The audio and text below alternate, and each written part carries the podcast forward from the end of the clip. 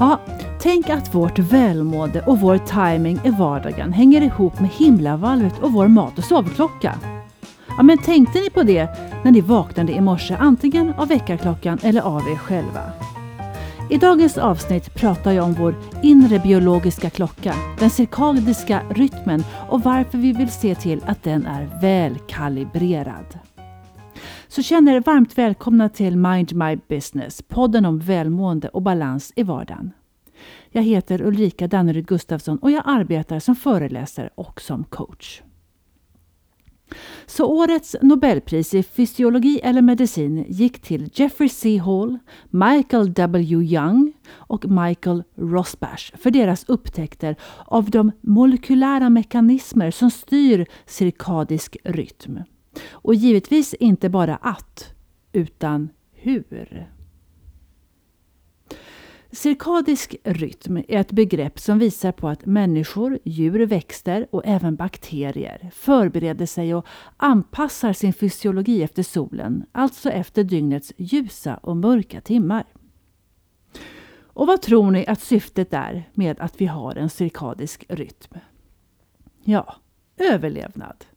För det har ju genom vår historia varit lättare att hitta föda på ljusa dagen än när det är mörkt. Och den som hittar föda kan förtära den, äta den och den som kan äta sin mat, ja den överlever. Ja, så vi är tillbaka till det igen. Människan är allt bra fascinerande. Ordet cirkadisk, det kommer från latinet och betyder ungefär en dag. Alltså ett dygn, för det handlar om en cykel om cirka 24 timmar. Fenomenet omnämns i kinesiska medicinska texter redan omkring 1200-talet. Men då talade man snarare om den dagliga processen hos människor. Cirkadisk rytm det myntades på 50-talet av den rumänske forskaren Frans Hallberg och som anses vara grundaren till den moderna kronobiologin. Kronobiologi undersöker periodiska rytmiska fenomen i levande organismer. Hallberg han var nominerad till Nobelpriset två gånger under 80-talet, men fick det alltså inte. Jaha, och vad är då dessa cykler eller vad de här rytmen, vad är det de gör? Jo, den gör att vi som sagt var somnar på kvällen och vi vaknar på morgonen. Men det slutar inte där. För den cirkadiska rytmen styr frisättning av hormoner, hunger, blodtryck, kroppstemperatur, metabolism, alltså ämnesomsättning, hjärnfunktioner, kognitiva funktioner, hur snabbt vi tänker eller inte och mer än så. Den styr hela vår inre balans skulle man nog kunna säga. Balans att ta hand om rätt sak vid rätt tid. Och vad är det då som styr den rytmen? Är det bara himlavalvet? Det vill säga att solen går upp och solen går ner. Ja, man vill ju gärna tro det. Men just så enkelt är det alltså inte. Vad handlar det om då? Ja, det handlar ju förvisso om himlavalvet, men det handlar även om Per och det handlar om Tim. Det forskarna i år fått pris för är att de har identifierat och isolerat genen PER, period, som styr dygnsrytmen tillsammans med proteinet som den kodar för och som alltså rör sig, skulle man kunna säga, i ett givande och tagande i en 24 timmars cykel.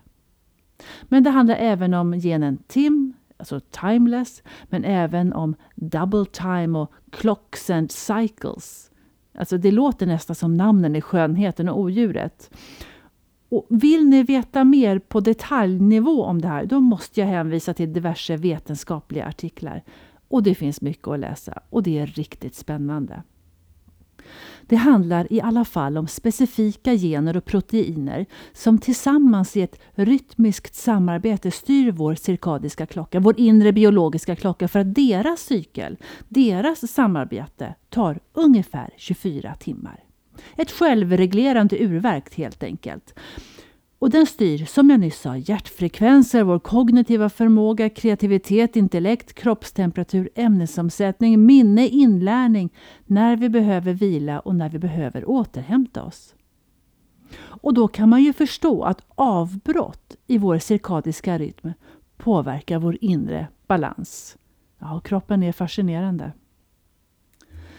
Den primära klockan, den primära inre biologiska klockan är belägen i hjärnan, i hypotalamus, där den synkroniserar och återställer sig varje dag till inom några få minuter av jordens 24 timmars rotationscykel. Och det gör den med hjälp av så kallade Zeitgebers, alltså, alltså tidsgivare, yttre faktorer som ljus, temperatur, miljö, fysisk aktivitet. Men framförallt ljus och ljus plockas upp via ögat. Den här masterklockan koordinerar sedan kroppens alla andra klockor som finns i cellerna. Tittar man i våra celler så har vi vårt DNA där och i varje DNA finns våra gener och generna producerar protein och det här sysslar cellerna med, de individuella cellerna med i cykler hela tiden under hela dygnet för att ställa in oss efter dagens rätta tid och rätt inre timing. Så det är inte bara himlavalvet som följer en cykel. Det gör alltså även vi ner på cellulär nivå. Är inte det fascinerande? Nu heter ju den här podden podden om välmående och balans i vardagen. Och vad har det med cirkadisk rytm att göra då? Ja, en hel del faktiskt. För när vår cirkadiska rytm är rubbad så påverkar det vårt naturliga flow och hur vi fungerar på daglig basis. Både fysiskt och mentalt i vår vardag. Bara en sån sak som att vår vardag har 24 timmar per dygn. Eller hur är det med det? Hur många timmar finns det på ett dygn? Hur många timmar har du i ditt dygn? Ja, för alla har vi inte riktigt och exakt 24 timmar. I en studie gjord på Harvard av en forskare vid namn Charles Seisler så fann man att dygnspannet för en vuxen frisk person är 24 timmar och 11 minuter.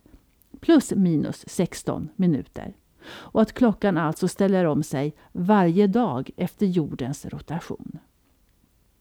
Och den svenska psykologen Charlotte Ulfsparre hon har sömn som ett av sina favoritområden. Hon säger att morgonmänniskor de har ett biologiskt dygn på mindre än 24 timmar. Kvällsmänniskor ligger på en ja, 25 timmar eller kanske till och med mer än så. Och det är vissa människor, vissa lyckligt lottade människor som ligger runt den här 24 timmars cykeln. Ja, vi människor är allt bra lika men ändå så olika. Och för att vår komplexa vardag ska gå ihop och för att det ska bli rättvist så kokar vi ner timmarna till att alla får en utdelning av 24 stycken. Så varsågoda och håll till godo. Men vi är ju inte lika. Och vad är du? Är du en morgonmänniska eller är du en kvällsmänniska? Engelskan säger early bird eller night owl. Jag vet inte vad nattuggla kanske vi säger på svenska. Men då undrar jag, säger vi morgonpippi eller morgonlärka? Ja, kanske, det spelar ingen roll. Nåväl. Den cirkadiska klockan reglerar i alla fall tajmingen i vårt beteende, alltså hur vi sover. Och det kallas för att vi är olika kronotyper. Och vilken kronotyp det är, ja, det beror på dina gener. Så vi känner oss ju starkare vid vissa tidpunkter på dygnet. Vår rytm, dygnsrytm ser något olika ut om vi jämför oss med andra. För vissa studsar minsann tidigt upp på morgonen, tycker om aktivitet och vill snabbt komma igång och få saker gjort. Men har svårt att hålla ögonen öppna framåt kvällningen. Ni vet, då på kvällen när kvällsmänniskan är sitt esse och visar sin bästa och mest inspirerande sida och tycks ha en aldrig sinande källa till energi. Känner ni igen det? Så finns det något som är bättre eller sämre? Ja, den diskussionen har pågått och ni har säkert inte missat den. Och det har sett ut som någon form av konsensus av att det skulle vara fördelaktigt på många sätt och vis av att vara en morgon, morgonmänniska. I alla fall ur värderingssynpunkt. Att de får mer gjort under dagen och det är ju bra och kanske till och med bättre. Att de är effektivare, att de är lite vassare än kvällsmänniskan.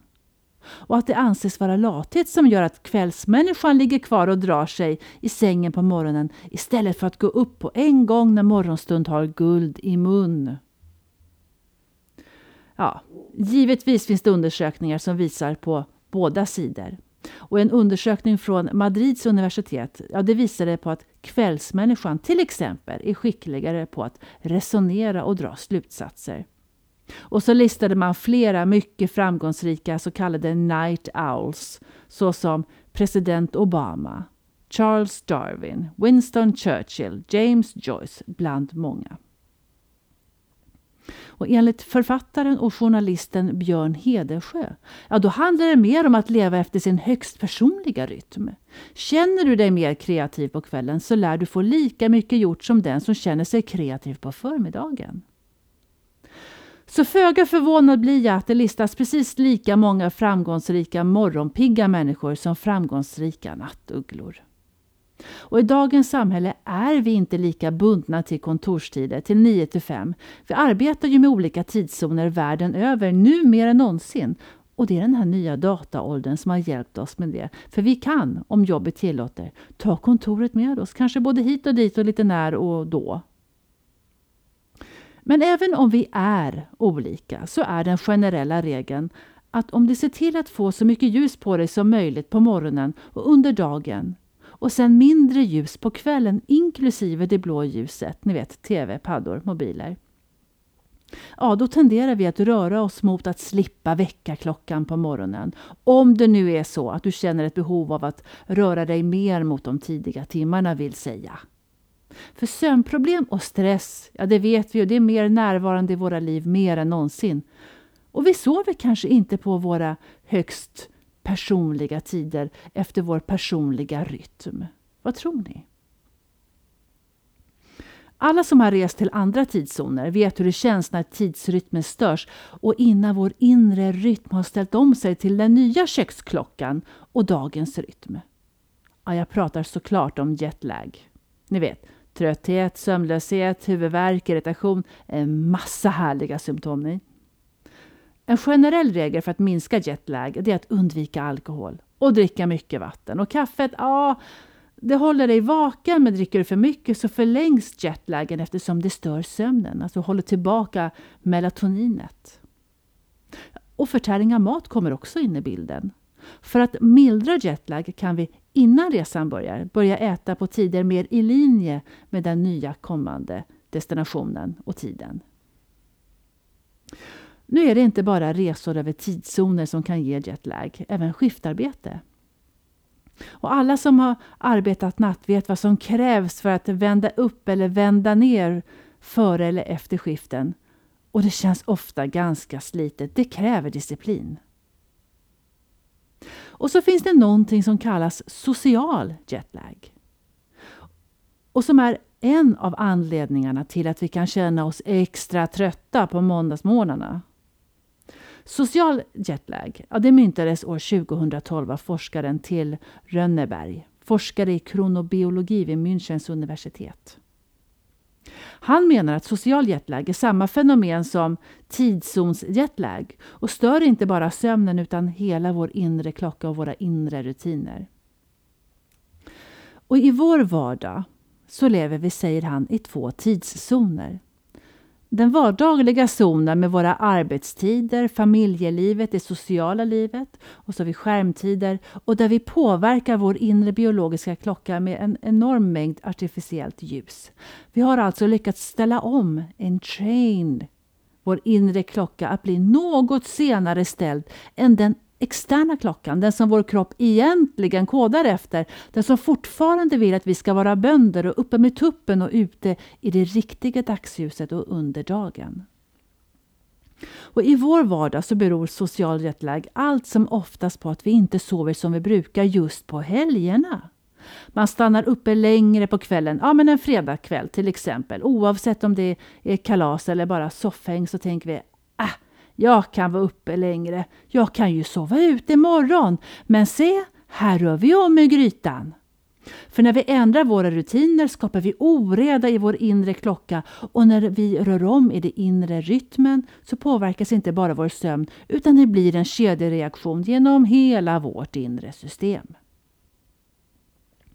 Det är ju heller inte alldeles ovanligt att vi i en familj har inre olika tidsklockor. Jag säger bara ungdomar, och föräldrar. Beroende på ålder så behöver vi olika mängd sömn.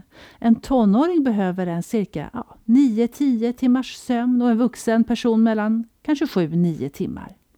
Och det är inte förrän vi tar oss över 65 som det lär balanseras ut. Och då, ja, då verkar det som att vi behöver bara 6 timmars sömn.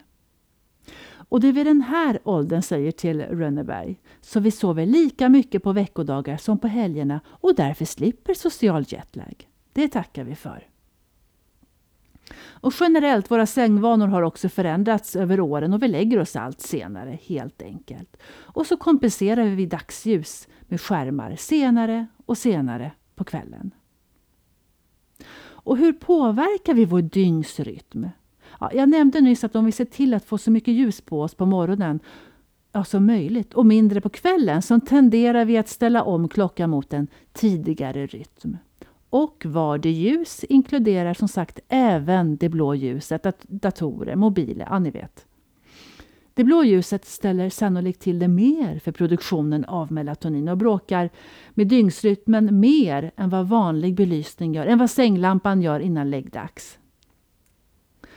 Jag gissar att vi är rätt många som gärna plockar upp mobilen eller paddan för att kika igenom en sista gång innan vi drar täcket över nosen för att vi tycker att vi kopplar av då, varvar ner, släpper tankarna på grönbete en stund och då kan vi behöva påminna oss om, återigen, att det stör hela vår naturliga dygnsrytm eftersom det hindrar kroppens mycket fiffiga utsöndring av melatonin som gör att vi sover på natten. Som i sin tur gör att vi mår bättre på dagen och som historiskt sett gjorde att vi kunde jaga och äta på dagen. Som gjorde att vi gav oss själva större överlevnadschanser. Mm. Ljussensorn som vi har i ögonen känner av när det börjar gry och stänger av melatoninet och istället börjar nu den inre klockan se till att producera hormonet kortisol som i sin tur håller oss vakna under dagen. Så vår inre ljussensor går såklart hand i hand med ljus och mörker. Och då är det ju inte så konstigt att vi känner oss trötta nu när vi går mot mörkare tider. Vi blir faktiskt trötta. För vår inre klocka säger att det är dags att sova. Och vi som bor i Sverige vet det här, men att använda sig av det blå ljuset innan vi ska lägga oss som en form av, inte vet jag, ljuskompensation är alltså inte den bästa lösningen. Då är det förmodligen mycket bättre att ta ljuset till morgonkaffet istället när vi behöver en extra dos ljus. Men det är inte bara ljus som ställer om vår klocka. Ni kommer ihåg Zeitgebers. Även andra saker ställer om vår klocka och det är till exempel när vi äter. Det är ju en mat och sovklocka vi har. Det är givetvis viktigt vad vi äter, men enligt forskarna är det viktigt att vi äter på samma tider. Och kanske det viktigaste utifrån cirkadiska systemet är att vi äter under den delen av dagen som vi är designade att göra, det vill säga under den ljusare delen av dygnet. En tongivande forskare på det här ämnet det är Dr. Sachin Panda, professor vid Salk Institute for Biological Studies i Kalifornien. Han menar på att vår kropp är designad för att fasta under natten. Och under miljoner av år så åt människan bara under dagen och att det är bara under de ja, senaste 50 åren som vi i vårt samhälle och i vår vardag har börjat äta sent på kvällen och under längre perioder över dagen. Han menar att precis som hjärnan behöver vila så behöver magen vila på natten. Och kroppens matsmältningssystem behöver också vila från att hantera inkommande bränsle. För annars riskerar våra inre organ att bli utmattade. Och som sagt, idag äter vi alltså mer eller mindre hela tiden. Och utifrån den biologiska klockan och vad som påverkar den så handlar det även om latten på vägen till jobbet, även om du inte hunnit äta frukost, eller latten under dagen eller på vägen hem från jobbet eller den varma mjölken innan läggdags. För att inte prata om chipset till filmen. Och dagens forskning visar på att kroppen alltså behöver sin vilotid, vila och återhämtning. Och att frukost skulle vara det viktigaste målet har jag inte riktigt kunnat läsa mig till.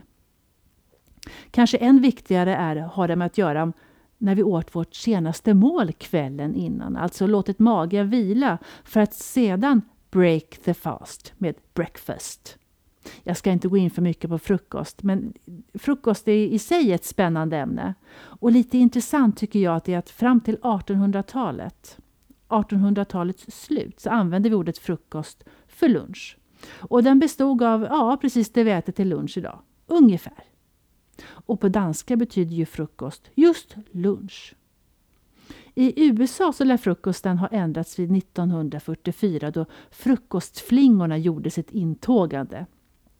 För med detta så marknadsfördes nämligen flingorna hårt och strategiskt som det viktigaste målet på dagen och hör och häpna, av just flingföretagen. Vilka uppenbarligen lyckades mycket bra med sin strategi. För alright, jag älskar frukost. Då får jag sätta mig vid en väldukad och härlig hotellfrukost. Då är jag i sjunde himlen. Och vad gäller mat så forskas det givetvis på fördelen av att äta på bestämda tider och hur det skulle kunna hjälpa dem med jetlag, skiftarbete, sömnproblem och mycket annat. Att år 2017 kunna planera hälsosamma, tidsbestämda måltider, ja det är nästan definitionen av lyx idag. Både tidsmässigt och näringsinnehållsmässigt, håller ni inte med? Snabbmat, ni vet, hoppa över eller äta i farten, äta senare, äta ute, ja, ni är med. Det är mycket nu. Tid är en bristvara. Men nästa gång vi vill stoppa något i munnen så gör vi nog bäst i att titta på klockan först. Så hur kan då ett dygn se ut enligt kronobiologin och den cirkadiska rytmen? Ja, det beror väl lite på vilken kronotyp du är, om du är en morgonlärka eller en nattuggla. Så mycket generaliserande så kan det väl ungefär se ut så här. Klockan 6 till 8. Släpp in ljuset. Runt en halv åtta så slutar kroppen att producera melatonin och nivån av kortisol ökar. Så hjälp kroppen att få så mycket ljus som möjligt. Vi har störst fettförbränning tidigt på morgonen så en löprunda innan frukost är effektivt. Klockan 9 till 10, ja, våra kognitiva funktioner följer dygnsrytmen lite av ett U. Så vi är kvickare i huvudet på morgonen. Och efter att ha ätit vår frukost, tagit oss till arbetet eller, eller där vi spenderar vår dag, det är nu vi ska lösa de svåraste problemen eller ta de tuffaste besluten för hjärnan. Hjärnan är på tårna. Klockan 11 till 12, ja men runt lunch. Ja, vi är kodade att vara hungriga runt lunchtid, så ät lunch så att du inte tar några förhastade beslut. Det är inte heller fel att ta en promenad före lunch och det går lika bra att ta det efter. Eller varför inte brodera eller virka? Bra tid för handarbete. Framåt eftermiddagen, runt en klockan tre. Inte vår kognitivt vassaste tid. Kognitivt är vi nu lägst i vårt U. Och det är inte för inte som vi brukar ha ett klockan tre-fika, för suget efter snabba kolhydrater är som starkast nu. Och kroppen tar som bäst hand om dem också för den delen vid den här tiden. Men jag säger en sak så har jag sagt det. Vad gäller trefika, tänk, tänk eh, avokado, tänk nötter, tänk banan. Alltså en smoothie kort och gott. Och en annan sak. Runt vid halv fyra snåret så har vi vår snabbaste reaktionstid. För alla ni tävlingsmänniskor där ute. Jaha, klockan tickar på och vi klättrar kognitivt uppåt på vårt U. Och är du inte ett fan av grupparbeten och samarbeten så är det i alla fall nu runt den klockan fyra på eftermiddagen som det är bra och läge för det. Och inte bara för dig utan för alla som är med på det också. Det blir en win-win så att säga.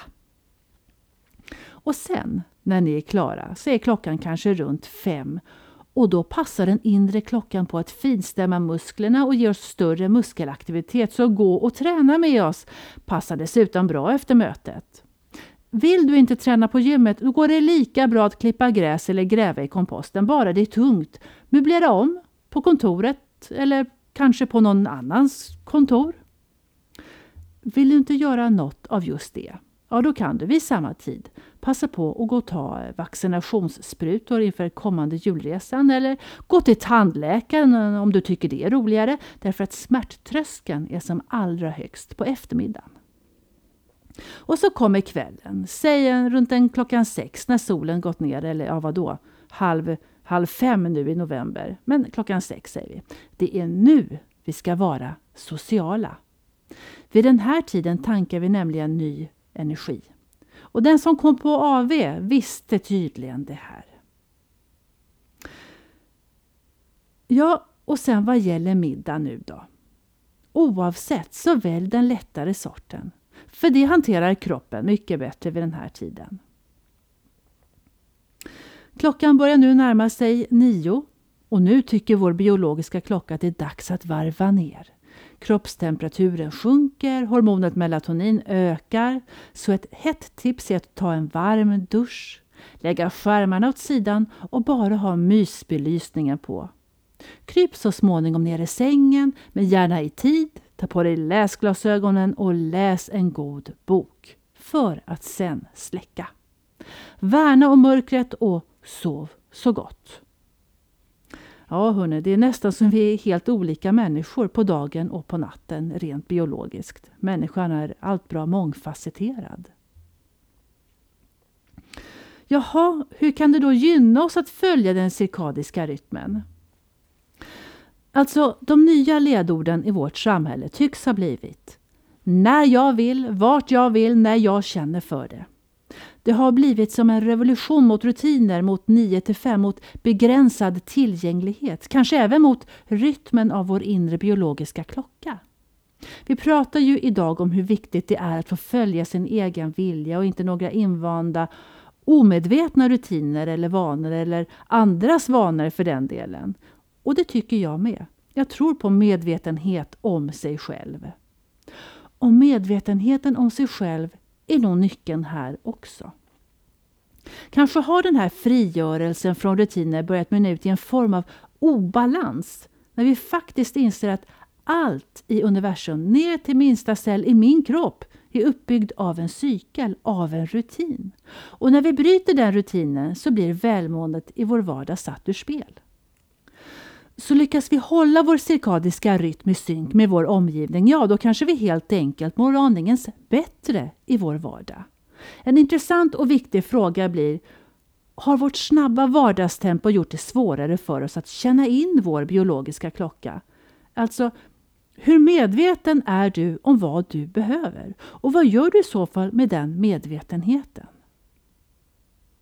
Så låt mig avrunda med vad Josef Takahashi, japansk-amerikansk neurobiolog och genetiker, säger om att följa sin cirkadiska rytm. Han säger om vi lyssnar in vår biologiska klocka, får tillräckligt med sömn så blir vi smalare, smartare och lyckligare. Ja, det kanske inte är så Nobelpristagarna i år uttrycker det, men ja, det är kanske där vi har svaret för vårt välmående.